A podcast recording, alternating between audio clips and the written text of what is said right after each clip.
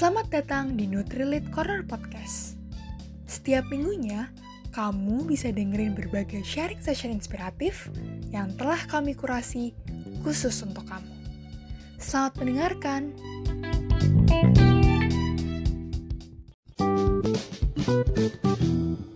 Halo NutriFriends semua, kapan pun dan di mana pun teman-teman berada, kenalin aku Fuad. Di episode kali ini aku jadi host untuk ngobrol-ngobrol bersama bintang tamu kita yang keren banget, uh, sangat aktif tentunya, sangat uh, menarik dan sangat inspiratif. Ini adalah first winnernya NLA. Beliau juga uh, aktif berkegiatan di Satu Padu, di Nasional Koordinatornya Satu Padu Indonesia, dan juga lagi mengembangkan startupnya di Bali.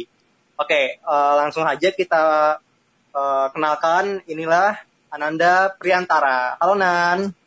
Halo teman-teman Nutri Friends. Halo juga Niat. Kita udah lama Halo. long time no see nih. Kemarin Iya, kita iya. terakhir Terakhir ketemu di mana sih, waktu di Terakhir kita ketemu waktu coaching mentoringnya Pak Mardi kan kita ketemu. Itu terakhir apa terakhir itu Ap- April April ya? Enggak, enggak, enggak. Kayaknya sekitar Maret. Februari deh. Februari Maret deh kayaknya. Maret ya. Maret, Maret, Maret. Aku tuh inget Maret. nggak salah kita tuh udah udah udah pandemi itu udah masuk, tapi masih masih dikit gitu kasusnya. Tapi ya ingat nggak sih kita terakhir itu kita udah pakai masker loh, udah dipakai termogan gitu. Iya. Ya nggak sih Bener, masuk. bener, bener. Iya kita terakhir berarti udah sekitar enam bulan yang lalu ya. Iya, terakhir itu kan. Iya iya ya di di NLA ya.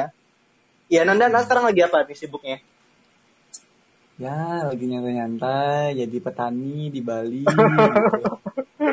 Jadi Nanda. Tanya habis apa habis eh, kuliah habis ini udah lulus ya jadi sarjana eh, HI eh, balik ke Bali gitu ya dan lagi merintis usahanya dan nanti kita bakal ngobrol-ngobrol sama Nanda terkait eh, Nanda ini sebenarnya kegiatannya apa aja sih kan Nanda ini terkenal banget ya terkenal masuk berita segala macam ada kedengaran bangun jembatan eh, bantu orang di Papua juga di Sulawesi juga di Kalimantan juga nah nanti kita bakal cerita sama Nanda. Nanti bakal Nutrifans bakal denger kisah inspiratif Nanda, motivasi dari Nanda. Ya semuanya lah dari Nanda bakal nanti bakal kita kulik uh, sama Nanda. Kalau dulu di NLA, Nanda tuh uh, terkenal dengan inisiatifnya untuk uh, membangun jembatan di Sumba. Nah, Nan, kalau boleh tahu nih Nan, itu ada apa sih? Kenapa sih eh, lu sebagai mahasiswa di Presiden University ya, Benar orang banget. ini tiba-tiba ke Sumba bangun jembatan itu cerita gimana sih Nan? Kok tiba-tiba ada inisiatif pengen pengen bikin jembatan gitu loh nggak? Orang orang mahasiswa ya ya kebanyakan paling organisasi, paling ya ikut ikut ikut apa ikut-ikut conference segala macam. Tapi ini Nanda tahu-tahu ada kedengaran berita mahasiswa bikin jembatan di Sumba gitu. Itu itu dari mana sih Nan pikirannya gitu? Oke, thanks sebelumnya uh, Fuad uh, udah uh, introduce tadi di awal. Sebenarnya kalau ditanya kenapa sih alasannya uh, kemarin bangun jembatan, sebenarnya itu tepatnya tahun 2017 teman-teman ya. 2017 kenapa sih kemarin bangun jembatan itu sebenarnya juga unexpected uh, at- karena apa? Uh, kalau misalkan ditanya itu sebenarnya long story banget. Jadi di awalnya itu uh, aku sempat diundang jadi juri duta wisata Indonesia di uh, Nusa Tenggara Timur waktu itu. Nah, singkat ceritanya, kelar dari sana, panitianya ngajak aku jalan-jalan ke Sumba, Sumba Hmm. Timur. Nah, nggak tahu kenapa juga waktu itu tiba-tiba aku ngelihat anak-anak tuh. Dia Nanda acaranya di Bali, tapi uh, jalan-jalan di. Sumba gitu. enggak, acaranya di uh, Kupang, di Nus, Oh, di Kupang. di Nusa, Nusa Tenggara Timur. At. Tapi gara-gara Oke, oke. Kupang tuh kan uh, dia harus flight lagi ke Sumba. Nah, gara-gara uh, tentang pariwisata kan, jadi diajak ke Sumba waktu itu. Nah, Hmm. waktu ke Sumba itu akhirnya ngeliat tuh, oh, uh, tiba-tiba waktu mau ngeliat sunrise, ngeliat anak-anak nih, mereka uh, lagi jalan kaki itu kan. Habis itu uh, aku bilang sama kepala desanya, uh, Umbu boleh boleh ikutin anak-anak itu nggak? Nah, nggak tahu kenapa juga kayak ada hal yang di luar logika yang ngajak aku buat ngeliat anak-anak itu. Akhirnya aku tuntunin tuh dia jal- jalan uh, jalan kaki. Nah singkat cerita, selama itu, uh, selama perjalanan itu aku belum belum tahu tuh kisnya apa karena tiba-tiba ada nih kepala desa bilang uh, umbu, umbu tuh artinya kayak kakak atau mas versi Jawanya ya. Uh, umbu uh, kalau mau tahu gimana uh, realita pendidikannya di Sumba itu datang aja besok pagi nih, besok pagi di Sungai Lambanapu uh, anak-anak ini bakal nyebrang nih bilang itu kan, bakal nyebrang Hmm. nih ke sungai langsung mikir "Masa mereka mereka harus nyebrang ke sungai nih. Nah akhirnya singkat cerita akhirnya aku sasarinnya juga tuh uh, besoknya pas sunrise aku ke Sumba uh, ke sungai Lambanapu nah singkat cerita waktu sana bener tuh aku ngeliat jadi mereka tuh nyebrang sungai at nyebrang sungai sungai itu sekitar 68 meter. Nah sebenarnya waktu itu tuh kan aku kayak udah curious banget aku video-videoin ya ngetek-ngetek video gitu ya nah Ah. singkat cerita aku tuh lucu-lucuan tuh kayak aku juga nyebur aku nggak tahu di dalam itu ada apa gitu loh jadi aku ikut Oke. nyebur ikut nyantai video-video segala macam ya karena aku mikirnya ya udah mereka harus ngarungin sungai habis itu mereka jalan kaki lewatin uh, lembah bukit dia cet kelar gitu loh nah Itu tadi yang 68 meter itu bener lebarnya atau panjang sungai? lebarnya lebarnya Lebar. lebarnya. Buat jalan melewati sungai itu 68 meter. bener bener lebarnya kalau panjangnya Oke. ya panjang banget karena itu sungai Iya, makanya. iya itu sungai paling besar di Sumba di daerah Sumba nah waktu aku sampai di gitunya di desanya itu nah kan eh, cerita-cerita singkat abis itu pas pulangnya itu start sore-sore tuh ya akhirnya tiba-tiba eh, masyarakat sana bilang bumbu eh, hati-hati ya intinya mereka makasih habis itu mereka bilang hati-hati ya jam segini eh, baliknya bilang tuh soalnya jam segini jam makan buaya langsung gue diam kan? Langsung gue diam. Astaga ini kalau ngomong aneh-aneh gitu kan mikirnya kan. Astaga. terus terus dari tadi gue ngapain dong? Kayak gitu bolak-balik main-main di tengah sungainya. Dan tiba-tiba masyarakat sana bilang ada buaya di sana eh, at Heeh, Nah. Oke. dan itu tuh jam 4 jam 4 sampai jam 5 sore. Habis itu tiba-tiba akhirnya tuh aku nggak berani pulang akhirnya sampai dicariin sampan gitu loh. Dari sampan biar berani biar berani nyebrang kan nah kamu tahu kan kalau di kalau di daerah kalau di sungai itu kalau kita nyebrang di titik itu kita tuh nggak bisa langsung lurus gitu vertikal gitu loh jadi kalau kita kita, Oh. kita ngelawan arus kan makanya Karena ada arus dan angin juga ya. Bener, makanya betul. orang-orang tuh lebih lebih mau mending nerobos aja.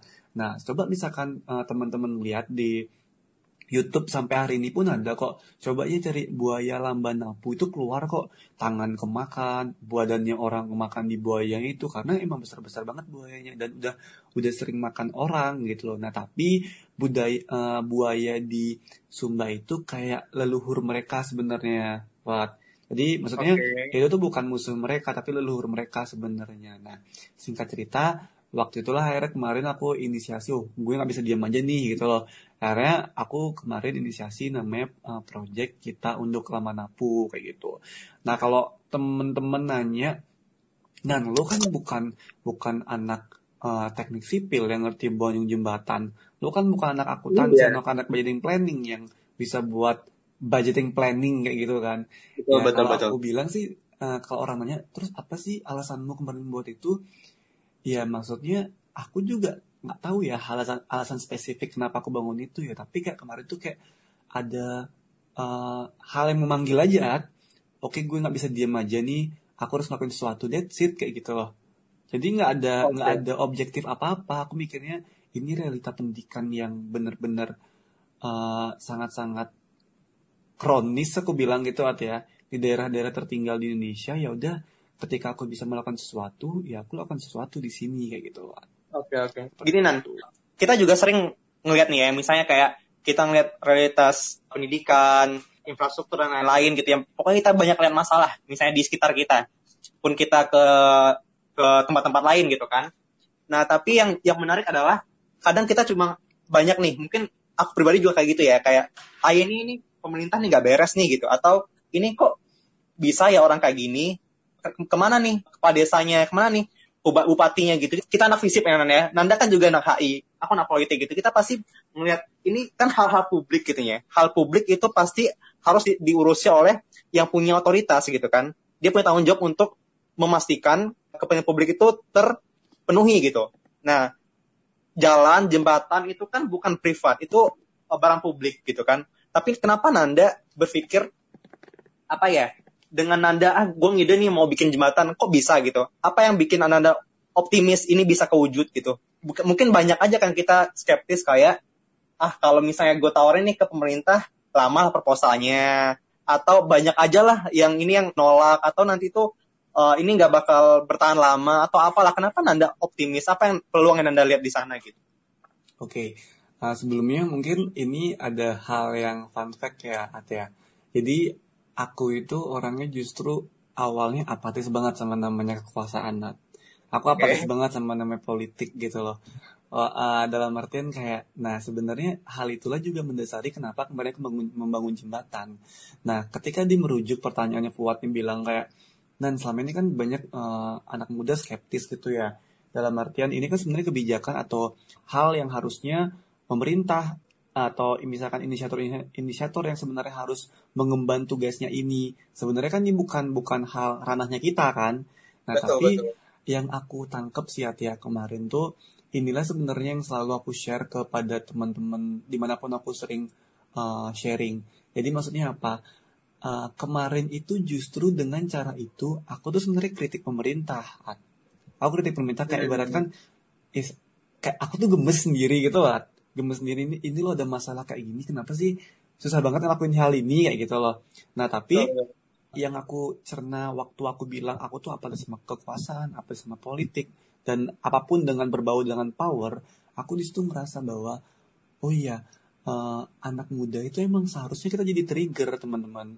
Saya tuh jadi pem, uh, jadi pemicunya dan menurutku itu bukan terjadi hanya di Indonesia aja. Dan di seluruh dunia pun seperti itu. Coba kita melihat aktivis-aktivis muda di luar sana gitu at mereka semua itu harus call to action dulu mereka tuh harus ngelakuin sesuatu dulu habis itu baru mereka bakal dilihat sama dilihat sama orang yang memiliki kepentingan dan memiliki kekuasaan gitu loh. Nah, oke okay, okay. tadi jadi, Nanda bilang apa kata kunci itu pemicu. Emang iya, habis itu apa gitu? Apa apa habis itu yang akan apa dampaknya? Ketika kita bisa men-trigger gitu at ya. Ketika kita bisa men-trigger, nah itulah kita akan akan bisa menjadi spotlightnya at. Nah, maksudnya dalam artian aku sering banget dapat case itu. Kayak misalkan kemarin waktu bilang lah case-nya bangun jembatan ya. Aku tuh gemes sama perintah. Akhirnya aku kemarin buat video, ibaratkan ironi yang ada di Sumba itu, aku bukan hanya uh, mengkritik saja, tapi aku juga memberikan solusi kemarin untuk membangun uh, menggalang dana untuk membangun jembatan itu. Nah, akhirnya di situlah akhirnya banyak orang yang menotis at. Hmm. Nah, maksudnya yang aku bilang trigger tuh di situ. Nah, karena ini juga selalu aku sharing ke pada di mana pun aku berada. Dalam artian seperti apa? Contoh kayak waktu itu ada orang bilang, Nan, lu ngapain sekarang buat satu padu edu digital? Lu kenapa, kenapa kemarin lu nginisiasi satu padu terangi desa gitu? Nah, maksudnya apa? Contoh sekarang ya, kalau kemarin kayak satu padu edu digital, yang kemarin kita kasih itu adalah uh, platform atau uh, paket-paket edu digital, edukasi digital art. Nah dalam hmm. artian biar mereka tuh aware aja. Kita tuh bangkitin awareness di masyarakat desa art bahwa misalkan ada paket edu digital loh yang mereka bisa menjadikan akses pembelajaran anak-anaknya. Setelah mereka ngerasa uh, aware, mereka ngerasa teredukasi, nah dari itulah mereka akhirnya akan engage kepada pemangku kebijakan yang ada di terdekat mereka contoh kepala desa, contoh bupati atau lurah mereka gitu loh. At. Nah itulah selama ini aku sering lakukan At. Ketika aku bangun jembatan, ketika aku buat apa pun inisiasi, emang tugasnya itu tuh hanya menjadi trigger At sebenarnya gitu loh. Karena kan kita nggak punya power, kita nggak punya funding yang kuat gitu At ya. Nah tapi ibaratkan kita membuat program yang bisa sustain nih, yang bisa nge-empower masyarakat. Oh iya sebenarnya ada ini tuh bagus loh buat kita kayak gitu At. Betul betul. Ini kayak umpamanya kalau pengen terdengar tuh ya make a noise gitu ya. Benar, benar banget. Betul, betul. Benar banget. Tadi mungkin nih kita bakal bakal cerita juga tentang, tentang satu padu ya, tapi balik lagi tadi soal uh, Nanda kan ngasih trigger gitu. Nah, responnya orang-orang, responnya pemerintah apa gitu? Apakah hmm. pemerintah ikut bantu juga akhirnya membangun itu atau ya udah kayak oh oke okay, Nanda nih bagus gitu itu aja apa gimana Nan sebenarnya? Okay. Apa dampak habis itu? Oke, ini sebenarnya uh, kalau nanya uh, responnya pemerintah ini sebenarnya beda-beda ya. Jadi kalau misalkan aku akan menginisiasi beberapa movement gitu at ya. Nah mungkin aku hmm. spesifik aja ke jembatan ya ya. Kalau jembatan tuh sebenarnya kemarin uh, beberapa ada yang ya namanya pemerintah, namanya pemerintah, pemerintah daerah, kota maupun uh, provinsi maupun pusat tuh awalnya juga kayak kaget gitu artinya biasa lah namanya kan kita buat make a noise akhirnya mereka kaget Nah sebenarnya kemarin itu juga ya aku nggak ada ekspektasi bakal sebesar itu. Mungkin tiba-tiba ada media nasional yang liput. Akhirnya kebukaan noise-nya itu ke pemerintah. Nah kemarin juga sebenarnya singkat cerita waktu aku membangun itu sebenarnya aku achieve sekitar 500 juta tuh untuk membangun jembatannya itu. Wow. Nah, Hmm. tapi ada case menarik lagi, ada case menarik lagi bahwa ketika di uh, di uh, di RAB-in, waktu di RAB-in ternyata itu harus merengkuh dana 1,6 M. 1,6 M. Jadi kan tuh tiga kali lipatnya kan, At. Nah, aku mikir, Hmm. astaga ini nyari uang 500 juta itu susah gitu kan. Ini lagi Iya, 1,6 M lagi kan. Nah, tapi aku selalu percaya sih di situ. Aku selalu bilang juga sama teman-teman kayak ketika kita punya niat tulus tuh At, ya pasti bakal ada jalannya juga At. Kita aku suka percaya. Nah, kalau misalkan ada merujuk lagi, apa pemerintah gimana sih responnya? Nah, kalau aku cerita tentang pemerintah pusat, waktu aku masih ingat tuh waktu Maret 2018, akhirnya aku diundang tuh sama kantor staf presiden buat langsung datang ke ibu deputi limanya. Nah, waktu sana, nah inilah inilah juga yang eh, membuka pikiranku atau mindset tuh ketika waktu itu aku skeptis banget sama, sama pemerintahan sama kekuasaannya ya. Ketika aku sampai sana, hal yang pertama kali tanya adalah Nanda ini dari organisasi apa gitu. That's it. Itu pertama kali tanya. Maksudnya kan aku mikir kan, ah, organisasi apa? Jadi kan gue cuma bangun ini cuma pure sendirian gitu loh. Nggak ada Itu nih- ini benar-benar sendirian nan, nggak nggak bareng duta lainnya atau gimana nan? Enggak, Atau enggak, enggak. Bener-bener sendiri. Tapi akhirnya kemarin aku ngajak nam- eh, namanya Bang Aldi namanya. Bang Aldi itu kayak putra daerah di Sumba sendiri gitu loh. At. Nah karena kan aku kan orang aku kan di Jakarta kemarin ada waktu kuliah ya. Jadi kita juga Iya. perlu. Maksudnya aku tuh bener-bener berpartner berdua sama Bang Aldi ini buat membangun jembatan itu At. Jadi kita koordinasi gitu loh untuk mencari funding, structure, sistematisnya itu aku yang buat gitu loh. At. Tapi untuk implementasi lapangan tuh Bang Aldi semuanya gitu loh. At. oh gitu. Jadi aku ber- keren. jadi jadi aku berdua tuh bener-bener inisiasi dari awal banget gitu loh. At. Nah akhirnya Hmm. singkat cerita kemarin sebenarnya kalau aku boleh jujur pemerintah udah menawarkan kok untuk masuk ke dalam RAPBN tahun 2019 waktu itu At. Jadi Tahun depannya berarti ya? tahun depannya benar tahun depannya tapi uh, maksudnya kan uh, itu kan ya cukup lama ya dan maksudnya Hmm. ini udah udah urgent banget dibutuhin sama masyarakat akhirnya aku bilang maksudnya oke nggak apa-apa uh, ibu bapak uh, kita maksudnya itu tuh sebagai last last choice-nya banget gitu lah kalau kita kita mengusahakan dulu mencari funding lagi gitu ya atau mencari Iya. akses seperti apa akhirnya uh, ada salah satu staff juga di KSP akhirnya mungkin ngelihat ada kayak mungkin anak-anaknya kayak punya punya punya semangat tinggi banget gitu loh. Nah akhirnya Hmm. dikenalin sama uh, guru besar UI at sosiolog UI aduh pak siapa namanya? Pak pak aduh aku sorry sorry sorry banget aku lupa nama bapaknya. Tuh pak Darman Sutejo pak siapa gitu namanya at terus pokoknya guru Oke. besar guru besar sosiolog UI at nah akhirnya aku dikenalin sama uh, gitu at dikenalin sama NGO NGO dari uh, Swiss nah yang uh, foundernya itu namanya Tony Rutiman nah Hmm. akhirnya singkat cerita akhirnya justru mereka lah yang bener-bener membantu tahap finishing tahap pengembangan developing segala macamnya di, di di Sumba itu di uh, di jembatan Sumba itu jadi ibaratkan pure kemarin uang 500 juta tuh aku pakai buat uh, pembebasan lahan aku pakai buat uh, biaya semen batako segala macamnya gitu lah tapi untuk Hmm. material segala macam itu dibantu sama uh, NGO-nya Tony Ritman ini kayak gitu loh Oh. Nah, itu sih jadi kayak aku sih ngerasa kayak blessing banget gitu loh. Ketika Hmm. stuck gitu, ketika stuck tiba-tiba ada lagi jalan gitu loh. Stuck lagi Iya, ada iya, lagi iya, jalan kayak gitu. Ya mungkin Gitu. tadi uh, nyambung ke tadi yang pertama penanya ya soal ya mungkin nggak sih kita sendiri yang bikin gitu. Kan banyak pembebasan lahan dan macam-macam lain-lain yang tadi juga di tahun RAB segala macam. Tapi akhirnya Nanda kebuka jalannya ya ketika udah udah inisiasi dulu gitu kan, udah buka, Nanda yang buka jalan akhirnya ada lagi orang yang ngeluarin tangan gitu kan, NGO tadi gitu. Betul betul. Tadi menarik kan soal tadi Nanda ke KSP ditanya, ini organisasi dari organisasi apa gitu. Terus gimana tuh? Iya, waktu itu akhirnya kan uh, aku mikir ada ya, yang aku bilang tadi kayak aku awalnya apatis banget sama hal seperti itu ya. Tapi nah di situlah sebenarnya titik momentumku kayak sadar ada satu nilai khusus yang sadar dalam kehidupan Hat. Dalam artian apa? A good purpose tuh are not enough Hat.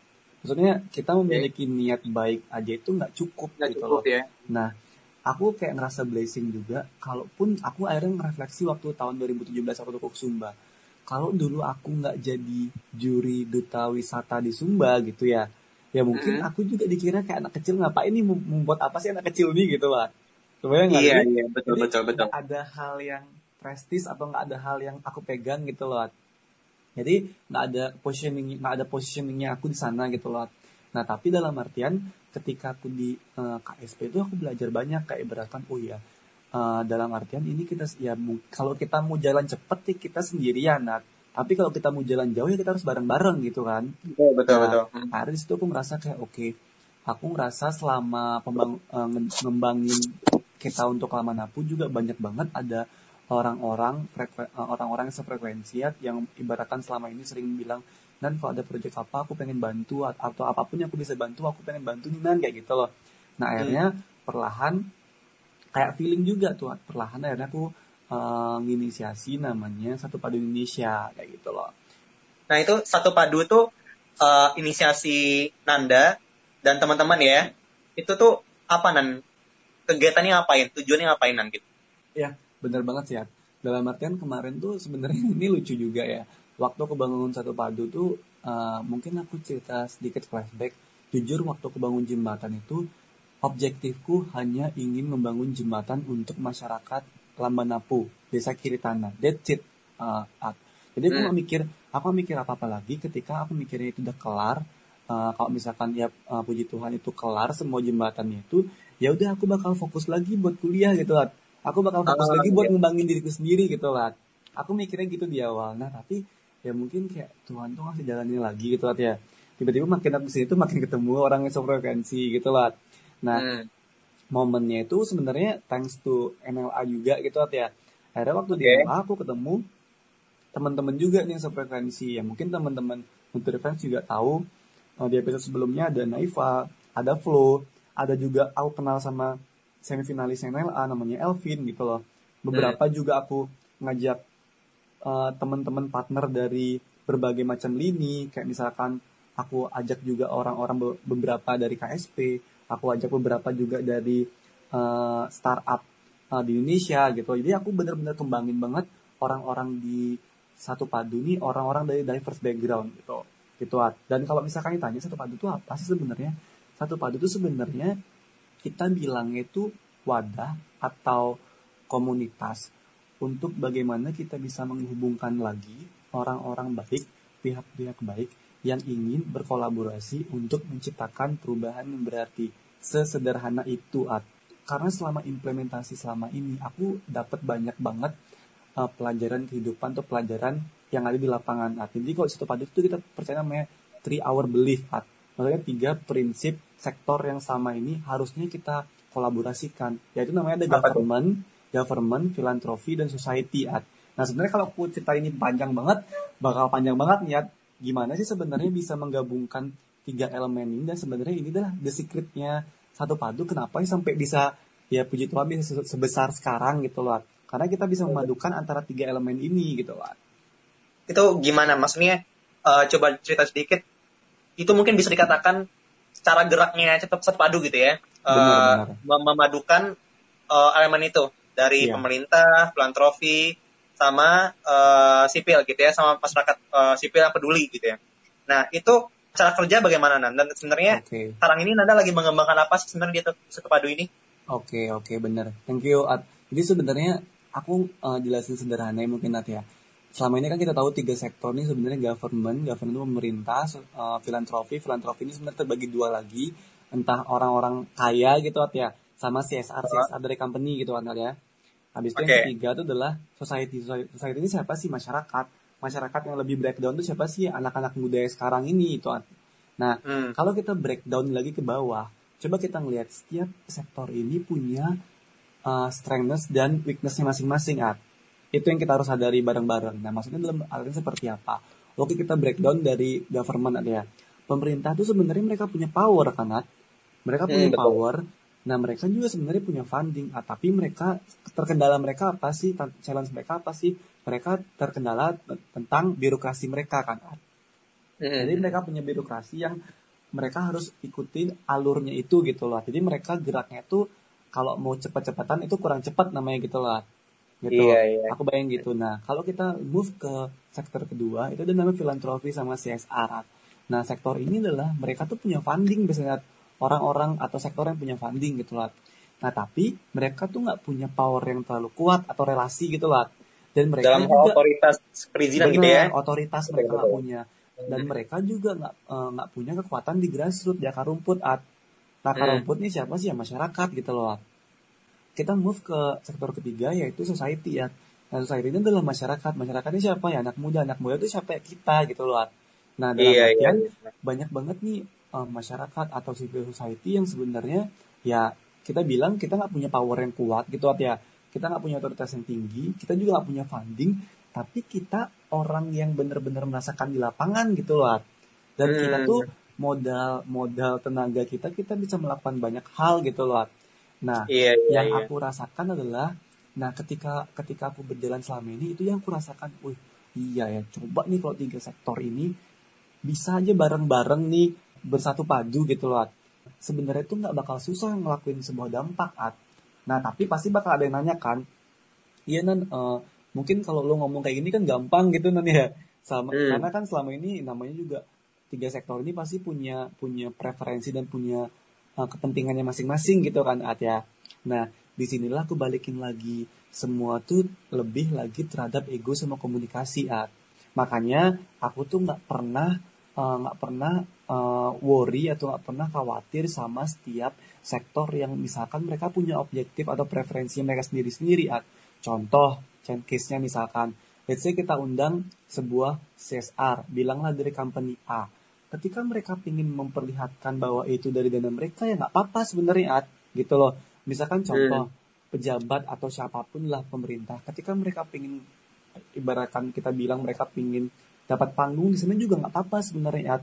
Karena menurutku eh, apa sih sebenarnya tujuannya kita melakukan dampak? Ibaratkan kan objektifnya adalah masyarakat At Iya, iya. objektifnya kan kita melakukan sebuah dampak gitu At. sebuah perubahan di sana biar ibaratkan ada hal yang bisa dirasakan oleh masyarakat gitu kan At ya perkara perkara mereka memiliki kepentingan preferensi masing-masing ya menurutku itu sebenarnya hal yang nomor dua hal, hal nomor sekian kalau misalkan orang yang punya ya bukan otak jernih ya tapi kalau orang yang punya preferensi yang jernih dan mereka pure ingin membantu ingin memberikan dampak kepada masyarakat pasti mereka akan uh, fokusnya ke objektifnya At.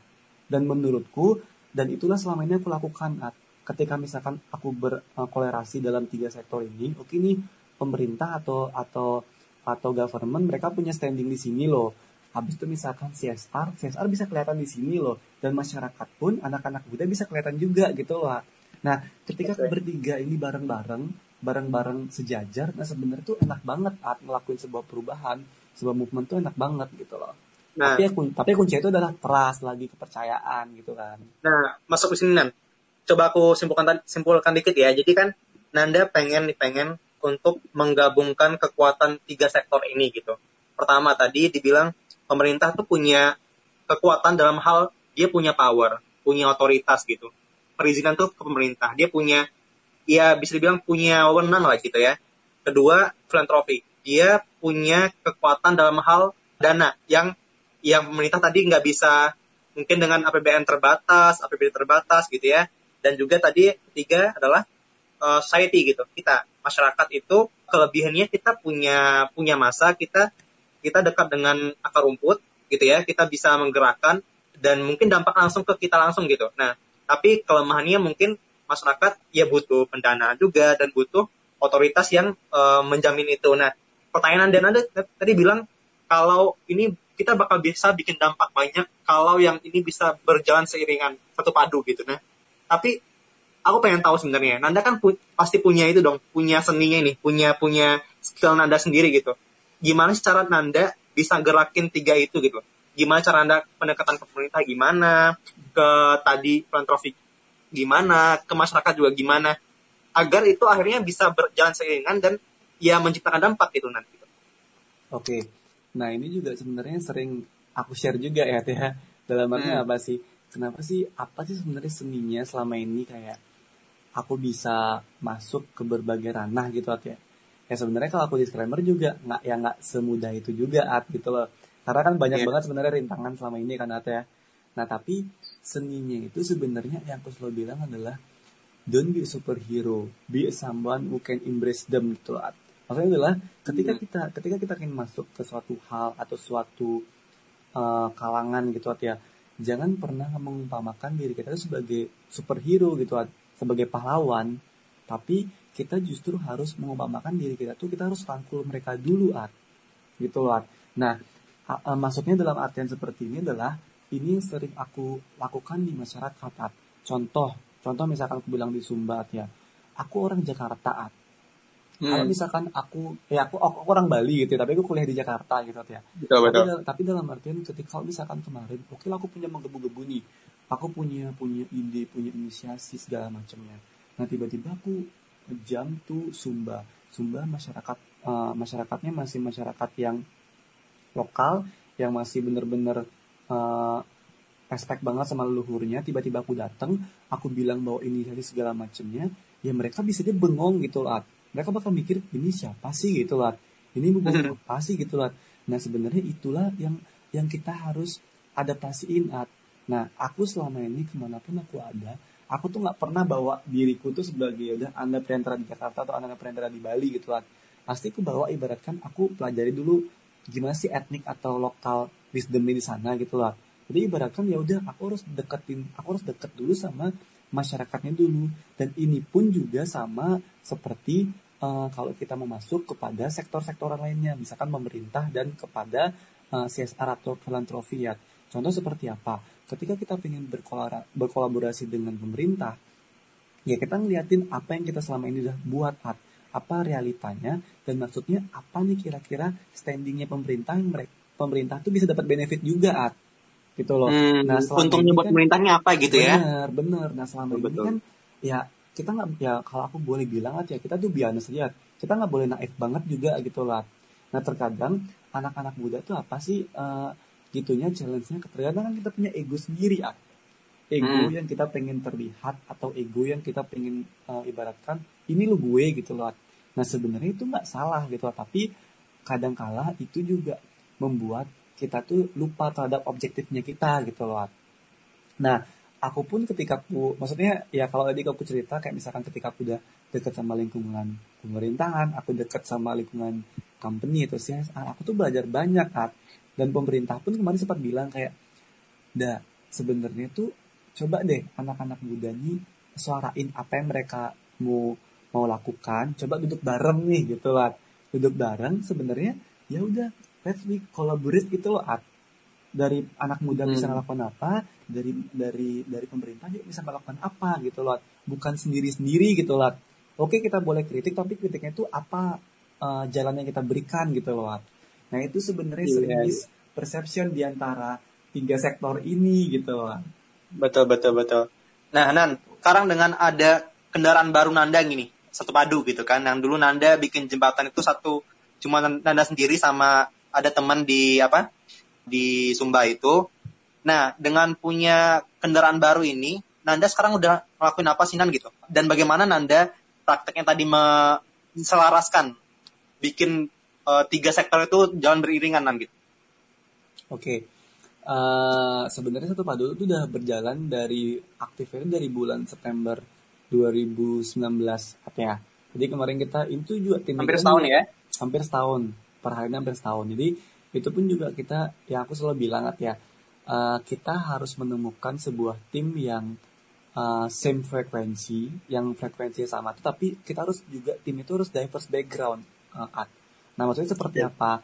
Nah ini juga mungkin teman-teman Nutrifriends juga tahu ya kayak contoh misalkan aku aku nggak aku nggak eh, aku nggak malu kalau aku bilang aku tuh orangnya general banget At. jadi aku tuh orangnya helikopter view banget gitu loh nah ketika Hmm. aku orangnya helikopter view aku membutuhkan tim atau sosok juga yang bisa eh, menstimulasi menstimulisasikan atau ibaratkan mencerna apa ide-ide atau gagasan-gagasan aku juga gitu loh At.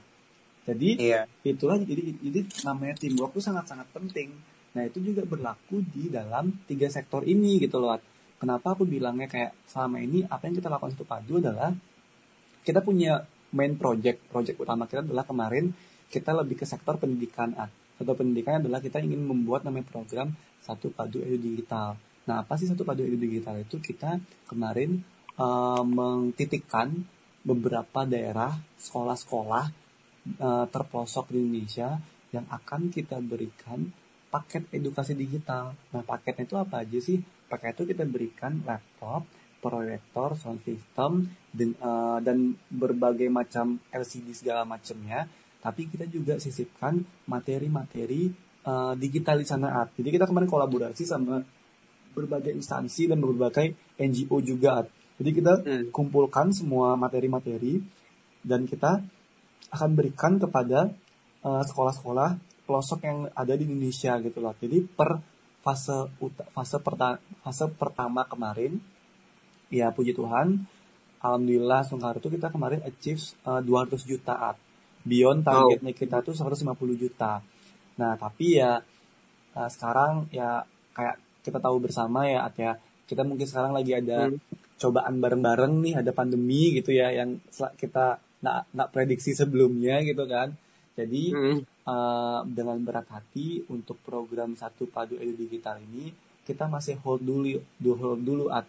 Jadi kita belum bisa jalankan karena ya psbb gitu juga kan at ya karena juga betul, mobilisasi antar pulau juga masih terkendala tapi per hari ini kita masih intens dengan uh, beragam titik-titik yang kita akan tuju jadi uh, mohon doanya juga teman-teman. Jadi kita pinginnya adalah kalau di November ini kita bakal uh, follow up lagi. Kalau kita bisa kita akan berangkat ke Papua gitu.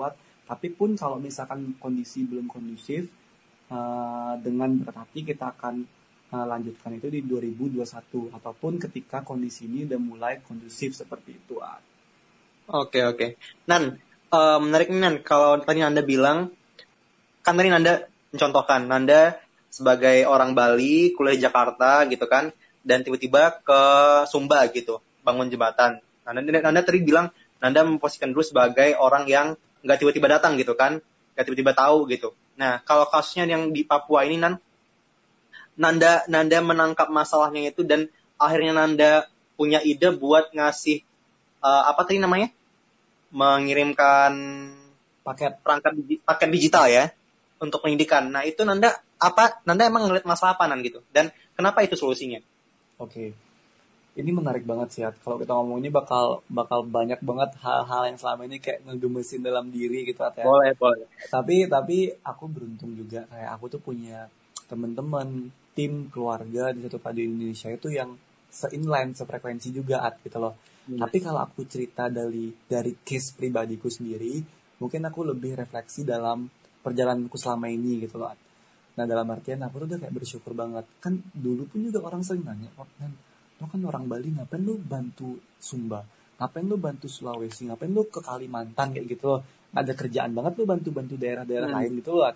Nanti boleh cerita dong kan uh, nanti nanti ya abis ini ya, ya. cerita Sulawesi itu ngapain, Kalimantan okay. ngapain gitu ya. Oke okay, oke. Okay. Tapi itu bisa sampai 6 jam kita podcast kalau cerita itu. Boleh.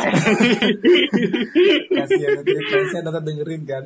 Tapi dalam artian uh, maksudnya aku tuh lebih merasa kayak oke okay, aku orang Bali, maksudnya aku selama ini besar di besarkan di Bali, kayak aku tuh merasa bersyukur gitu loh kayak aku dikasih keluarga yang aman, yang damai, aku dikasih lingkungan yang suportif gitu loh. Nah dalam artian aku tuh ngerasa oke okay, aku udah ngerasain banyak banget di Bali ya berarti aku juga harus ngasih kebermanfaatanku ini ke daerah lain yang belum merasakan seperti itu loh nah hmm. akhirnya dari dulu tuh aku sangat-sangat concern banget sama daerah-daerah yang terpelosok gitu lah aku juga nggak tahu ya kalau orang nanya kan ngapain sih lu berangkat ke sini berangkat sini ya sebenarnya nggak ada alasan yang spesifik juga tapi kayak ada kayak gini calling sendiri gitu lah ada hal yang iya, memanggil kayak nan kamu tuh harus ke sini gitu lah. Hmm. itu. Dan aku tuh merasa kayak kalau ngomongin kenapa Papua kenapa pendidikan ya masalah Indonesia tuh apa sih sebenarnya paling berasal banget? Inequality kan? Kesenjangan at. Kesenjangan ini itu sangat sangat besar banget. Dan dan maksudnya seperti ini ya aku tuh udah udah walaupun aku anak ya walaupun aku anak HI gitu at ya. Tapi aku um, belajar banyak banget tentang beragam perspektif beragam permasalahan gitu lah kalau kita selesaikan banyak hal di Indonesia ini Indonesia itu sangat-sangat luas gitu loh tapi hmm. aku merasa ketika masalah yang selama ini orang selalu bilang banyak di Indonesia ini sebenarnya entah ini challenge atau dan juga ini sebenarnya potensi Indonesia ke depan gitu loh dan menurutku hal yang paling fundamental harus dibenarkan itu adalah SDM-nya gitu loh sumber daya manusianya gitu loh. Jadi Hmm. ketika aku harus memilih maksudnya ketika aku pengen melakukan sesuatu mungkin banyak hal yang pengen aku lakukan Nat. infrastruktur sosial lingkungan semua tuh kayak dalam hal yang gemesin banget dalam diriku sendiri gitu loh tapi ketika Iya. aku punya limitasi untuk memilih aku untuk hari ini aku memilih akhirnya pendidikan gitu loh karena pendidikan tuh kayak big asset gitu loh aset yang sangat besar yang bisa aku titipkan dan ibaratkan hal itu akan mengena sampai kapan pun mereka akan tumbuh besar gitu loh dan aku ngerasanya bahwa oke aku dan teman-teman udah merasakan fasilitas yang sangat bagus di Bali di Jakarta di Jabodetabek. Dan aku pingin mereka itu merasakan apa yang kita rasakan gitu loh. Jadi sila kelima keadilan sosial untuk seluruh ini bangsa Indonesia itu sangat-sangat eh, berlaku gitu loh. Ibaratkan Iya, iya. hak-hak mereka tuh sangat-sangat ada di sana gitu loh. At, at least mereka tuh bisa merasakan apa yang kita rasakan di kota seperti itu. Hmm, iya iya. Yang nama pendidikan itu kan jangka panjang gitu. Ya nggak sih? Untuk merubah, mengubah pendidikan itu jangka panjang.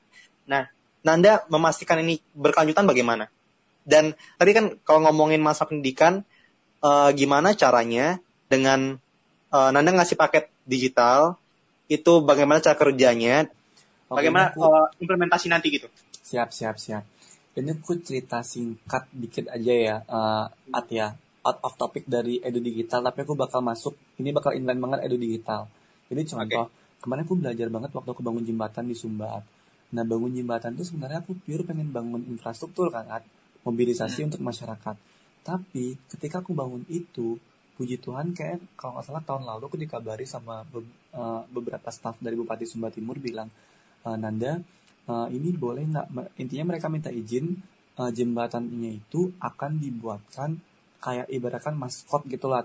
Maskot untuk mas- untuk desa di sana ibaratkan itu tuh kayak sebagai ikonnya itu ikonnya gotong royongnya masyarakat Indonesia gitu loh. Jadi bakal dibuatkan ikon pariwisatanya gitu loh. Nah ketika seperti itu aku merasa banget oh iya ketika kita melakukan sesuatu itu bisa nge-trigger banyak hal loh akhirnya Iya, iya. akhirnya ketika aku cuma niatku cuma mobilisasi aja akhirnya gara-gara mau dibukakan akses satu jalan di sana akhirnya di- diperbaiki at karena mau dibuatin pariwisata Oh. gitu kan diperbaiki habis itu akhirnya pemerintah aware mereka akhirnya attention banget sama sekolah SDB di Perang di sana gitu loh At. Hmm. itu kedua yang ketiga akhirnya perlahan empower dari masyarakatnya juga eh, eh, terjadi gitu loh akhirnya tenunnya mulai em, udah dibu- dibuatkan kayak rumah-rumah desa untuk khusus buat tenun gitu loh At. Untuk di sana gitu diberdayakan lagi perkebunannya juga jadinya ada aksesnya gitu jadi aku merasa kayak oh iya maksudnya trigger kecil yang kita lakukan itu justru bisa berdampak sangat-sangat besar buat keberlanjutan suatu daerah gitu loh. Nah, Iya, iya, itu iya. pun aku refleksikan kepada satu pada edu digital. Nah, kalau misalkan orang bakal nanya kan, nan pasti banget banyak banget bukan kritik kayak challenge-nya ketika bangun edu digital kayak, nan lu kan dari Bali, lu kan temen tim-tim dari Jakarta semua. Terus gimana caranya memastikan bahwa paket itu akan bergun akan digunakan secara baik gitu lah. Apakah Hmm. paket itu akan uh, berkelanjutan dengan baik? Nah, sebenarnya sesimpel ini tuh yang aku bilang itu sebagai trigger pemicuan hal yang paling pertama fundamental adalah relasi di sini ya. Nah, sebenarnya kalau aku boleh cerita dikit lagi, ini juga aku selalu percaya banget sama jalannya Tuhan gitu lah ya. Akhirnya tiba-tiba kemarin aku kenal sama salah satu tim juga itu padu namanya Unika gitu lah.